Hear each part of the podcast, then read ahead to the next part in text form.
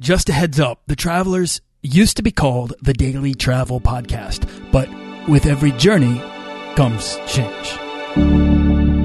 This podcast is produced by Holocene, a community of creative travelers. If you want to get serious about planning that next trip, writing that book, starting that creative project, or launching that business, we're breaking down the barriers between where you are where you want to be together at joinholocene.com. That's join, H O L O C E N E.com.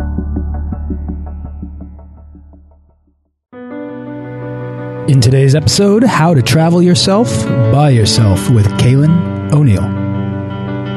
Do you want to travel further and more often to visit new places and meet new people and expand the role that travel plays in your life?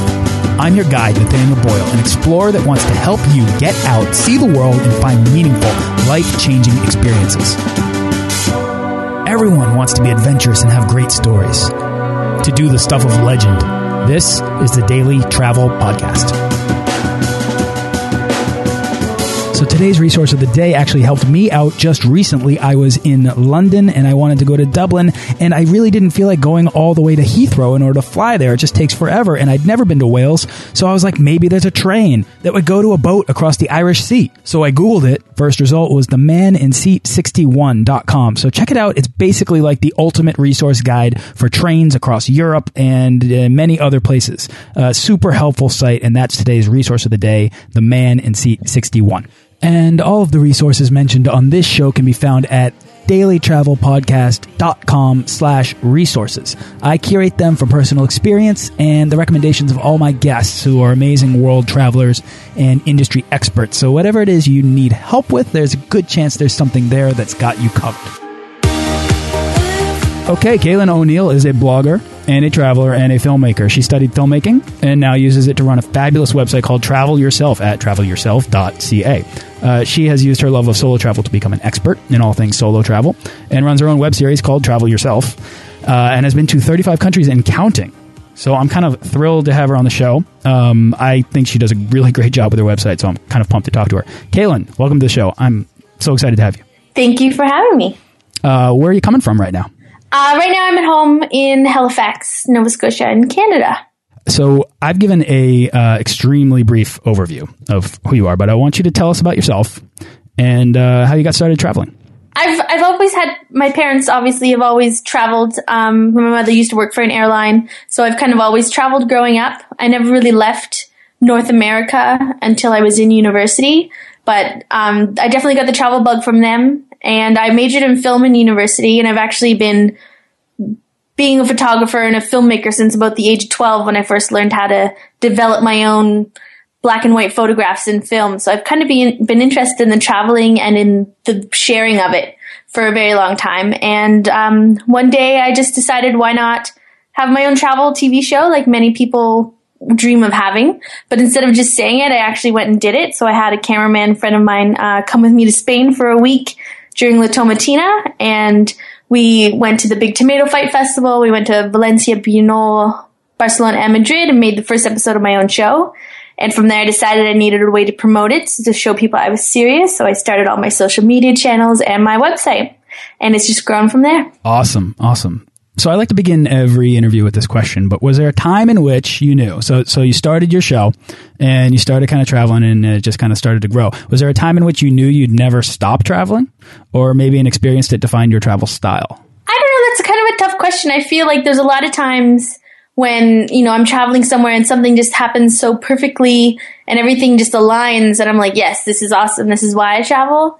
And then there's a few times that I'm like, I'm never doing this again. so it comes and goes, but I really, I don't, I don't think it's possible for me to live a life where I'm not traveling at some point. I hope that I never have to live a life where I'm not able to travel. So yeah, so you really, there's no going back for you though. Yeah, no. Yeah. Do you have a uh, a favorite travel quote that inspires you in your travels? You know, I used to really like that quote. Um, the world is a book that um, those who do not travel read only one page, but that is so used these days.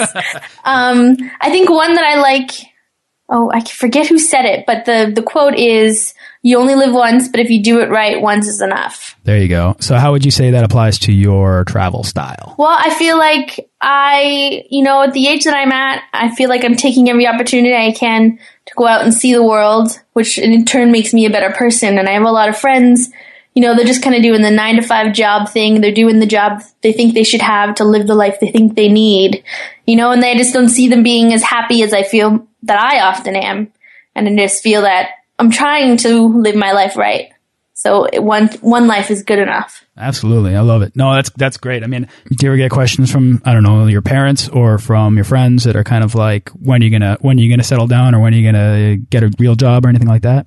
Uh, yeah, it's um, it's funny enough. My my parents they're actually quite supportive. So every time I tell them I'm going somewhere else, they might roll their eyes at me and be like, "Oh, okay," but you know, they they encourage me to do everything. So they're not um, wanting me to get a real job yet. They're very supportive and helping me out. However, I do have friends. I have some friends that they think that I'm never going to be happy in life because of I'm traveling too much. I'm never going to settle down, find a husband, get a house, and all of these things. So I do have some friends, actually quite close friends of mine, and I just don't understand. At this moment, I'm not sure how we're still friends the way that we think so differently of things, but we are it's very, yeah, it's interesting. I am missing having a relationship or a partner because I'm always on the go. You know, there's some things that I'm missing, but I feel like there's just another way of achieving things that just hasn't happened, hasn't lined up yet. You know, I feel, I don't feel like, I, I don't feel like I'm missing out from what I see my friends doing. I just feel like I'm going to get around to it a different way. Sure, sure. All right. This is kind of the part of the show where I, I like to focus on either a place or an expertise. And I, I kind of really want to talk to you about solo travel particularly female solo travel because I talked to some people and they're like, well, what, what, are your thoughts on this? And, you know, how safe is it? And I, I traveled, you know, through like 12 countries around the world, uh, nonstop on my own. Although in a way I was never completely on my own. Um, and I'm sure that you kind of can relate to that if you stay in hostels or you, you just meet people. But I can't really speak to what it's like as a female to travel by yourself from hostel to hostel or from country to country or to even go off the beaten path. So maybe what's uh, one piece of advice that you would you would give to a solo female traveler who's that might be uh, initially tentative about, you know, maybe she wants to travel, but she can't find anyone to travel with. Well, the most important thing, I mean, if you're going to choose to travel by yourself and you happen to be female, is you have to be smart about what you're doing. Try to plan everything out, and if it's your first time doing it, I highly recommend taking a group tour with some a company like G Adventures. It's about 10, 15 people on a tour. They're small and they're friendly and it's a great way to see a new place with having other people help you out along the way. Um, and then you'll also be brought in to a group of other people so you won't feel so alone or by yourself. Um, and if that's not an option for you, start going to countries where they speak the same language. So one of the first places I traveled to by myself was London. You know, they speak English and it wasn't too foreign, but it was foreign enough. So you just kind of have to be smart about your decisions. Like, don't go out late at night in a in a place that you're not familiar with, and don't drink too much and things like that. But then also go to a place that you can just ease yourself into it and get used to it and feel comfortable, and then slowly start making your way to the place that you might seem more difficult. And just be smart about it, and it should be fine. And it can be a lot of fun. And there are there are scary moments recently I had an interesting uh, border crossing between Zimbabwe and Zambia when i scheduled drive wasn't there to pick me up, but I figured things out in the end and I'm still alive. So let's hope just smart and be safe and you should really enjoy it. It's, it's pretty, um, it's, I don't know. It's just really awesome to travel by yourself and know that you can do it. I agree. I, I find I found that when I was traveling by myself, um, it, it's a different dynamic, and you kind of become aware of this right off the bat, or at least I did. Uh, I would wake up each morning and I would say, "Okay, well, what am I going to do today?" And if you have somebody else there with you, it's kind of a two way street. Actually, you kind of are you're um, uh, sympathetic to what they want to do, so you kind of have to go along. You have to sacrifice a little bit of what you want to do in order to do what they want to do as well. But at the flip side, you can you have somebody to bounce ideas off of. You have somebody to say, well, I'm thinking about this and I'm thinking about that. And then, you know, you can kind of quickly come up with an itinerary for the day. Whereas when I was traveling alone, yeah, I could do whatever the heck I wanted to do, but I also felt like, you know, I didn't have anyone to bounce ideas off of. So I would, I would just say, all right, well, I'm going to go do this, this, this. and uh, I, you know I hope I can get to it all. But I felt like because I could do just about anything and everything, I would quickly find myself overwhelmed. You know what I mean? So how do you how do you kind of determine you know going about day to day like your itinerary or how do you how do you uh, travel alone and do all the things you want to do? Yeah, it's it's it's definitely hard. I mean, I find part of the reason when you it's nice to travel with people also when you get in tricky situations that you have someone you know to think things out with and you feel safer. Um, but there are definitely times when i just want to sleep in and if i were with someone else i might have to get up and go to that stupid museum they wanted to go to you know? So you can be it can be selfish but yeah it is i mean there could be they suggest we go to a place and i'm not interested in it and then we go and i'm like wow this is awesome. If you weren't here i wouldn't have seen this. It's great so it's it's interesting, but I use I use social media a lot. If I'm going to a place that I haven't been, um, and I'm curious to know what there is, I will you know ask people on Twitter and Facebook. I'm going here. Have you been? What should I see and do? And I'll search on blogs and things like that as well. But I'm also the kind of traveler that will just kind of book a ticket and show up and kind of not have anything planned because I kind of like just like the awe of showing up in a new place and Absolutely. trying to figure it out. Absolutely. That's, I mean, that's exactly, now you're speaking my language. So one of the things I want to ask you is, um, it's easy when you do that, when you kind of don't, you don't plan and you kind of allow yourself to discover experiences by happenstance almost like, uh, oftentimes you can find the best experiences not by looking, not by planning, but by just kind of stumbling upon them.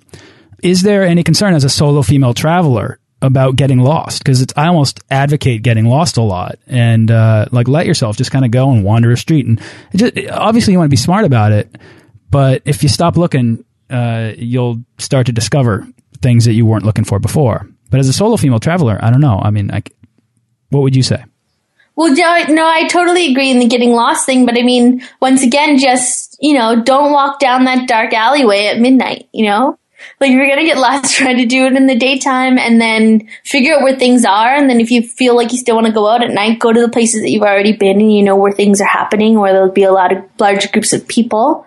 And you just gotta make the smart decisions. I mean, yeah, like that's for like cities. I don't know if you want to go get lost in the African bush or something. It might not be too smart if you're by yourself. Right. But you know, just mm-hmm. plan try to plan try to plan things out. Like be smart. Like I worked with a company recently called KeepGo, and they have um, a MiFi that's like portable internet hotspot that I can use for my phone. So I don't necessarily have SIM cards for every country I visit, but with this KeepGo MiFi, I have internet. So if I do get lost, I can just plug in my phone. Where am I?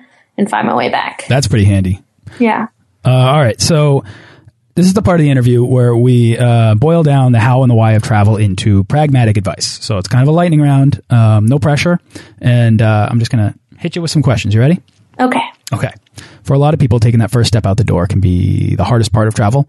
Um, what's your advice for anyone dreaming to take that first step to becoming a world traveler? If you're thinking about doing it, then you're already halfway there and just do it. That's the best advice that I can give. Don't let anyone hold you back and just plan anything. Even if it's just a weekend away, just do something to start and see if you'll love it. And I'm sure you will. That advice especially applies to anybody that's thinking about traveling on their own, but is kind of afraid of, uh, of being lonely, I think. Right. Mm-hmm. Um, so affordability is often the biggest hurdle that most people have uh, who want to travel more. So do you have a secret uh, money saving tip or a travel hack? Um, I'm actually really bad at saving money, especially when I travel. I'm kind of the type of person that'll have a, a budget in mind and then I'll go somewhere and see an experience that, you know, maybe this is the only time I'm ever going to be here.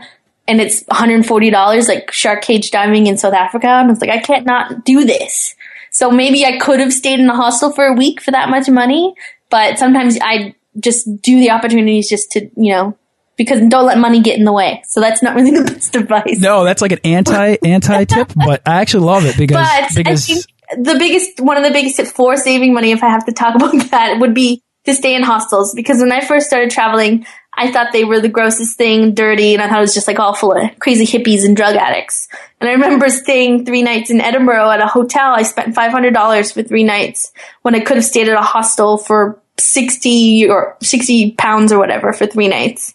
So, and that was a very stupid decision. I had a lot of money when I started traveling and I went through it very quickly when I could have had way more. So just hostels are okay. And if you have to book a private room for the first couple times and then get a dorm room. You'll save so much money. I yeah, I think that's a great. I think that's a great advice. Not only are hostels, I mean, hostels shouldn't scare people. I know there's a uh, a horror movie called Hostel, and that's how scary they are. I think to people that they've actually made a horror film about it. But um, but you know, but honestly, you uh, if you go and stay in a, in a, hotel, if you're traveling by yourself and you're a solo traveler and you stay in a hotel, that's the best way to ensure that you're going to continue to travel by yourself. Yeah, you're um, not going to feed anybody for sure. No, definitely not. And but at a hostel, you know, people eat together.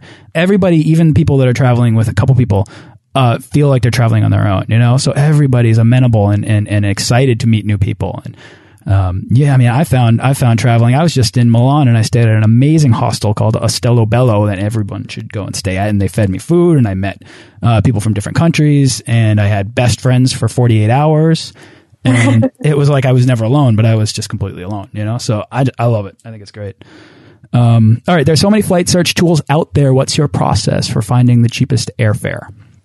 Um, that one's that one's difficult. Um, I don't know if I want to share that because then they'll give up my secret tips. Um, there is, I mean, there's a lot of good searching websites out there. I would, I don't know. I guess there's this one. I can't even think of the name of it, but it's called M- Matrix.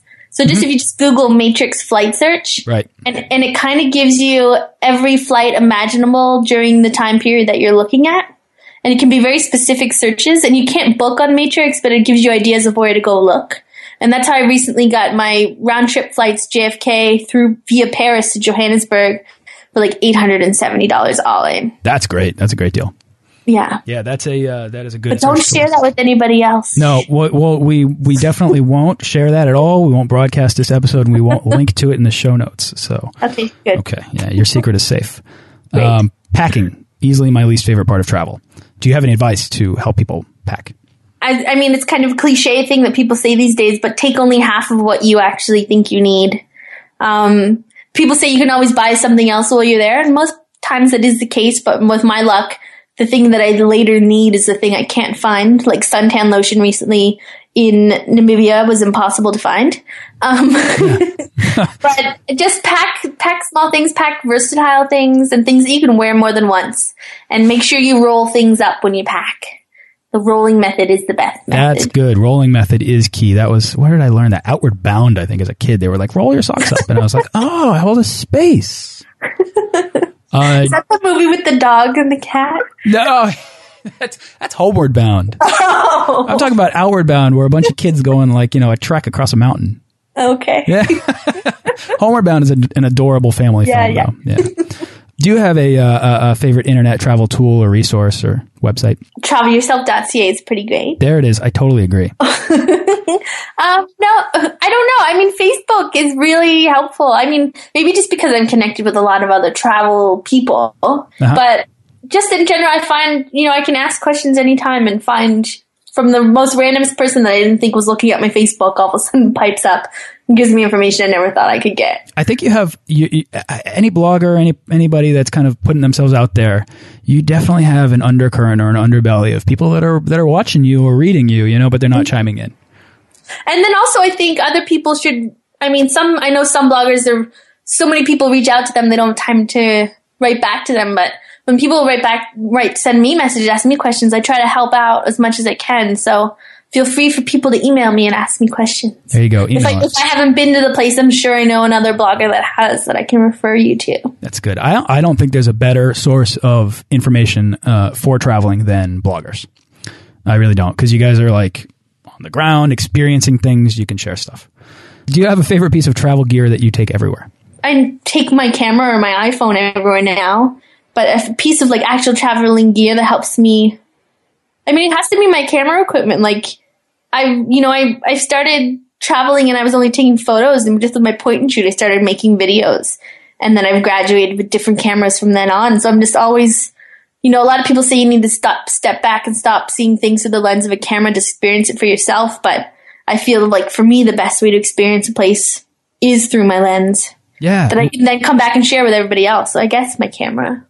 Well, from one um, film making person to another, what are you shooting on? Uh, right now, I have the D5200 and it's a Nikon. Oh yeah, oh yeah, awesome. Yeah. How many lenses do you bring with you? I have two lenses, and I really, I just have like the kit lens. Yep. and then uh, for like Safari, I have, I think it's like a 70 to 300 maybe. Oh yeah, that's Yeah. That's pretty awesome. All right, Yeah. last question. What's the weirdest thing you've ever eaten? Um, and I've had some pretty gross liquors, you know, like alcohol. That's Such as what? Well, like in Iceland again, there's, they have this one called Brennivin. It's also known as Black Death. Black Death.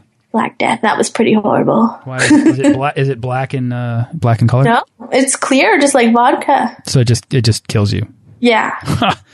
Yeah. And you actually have the fermented shark, the hawk or however you pronounce that, and you shoot and you chase it with the Black Death to get rid of the nastiness of the fermented shark.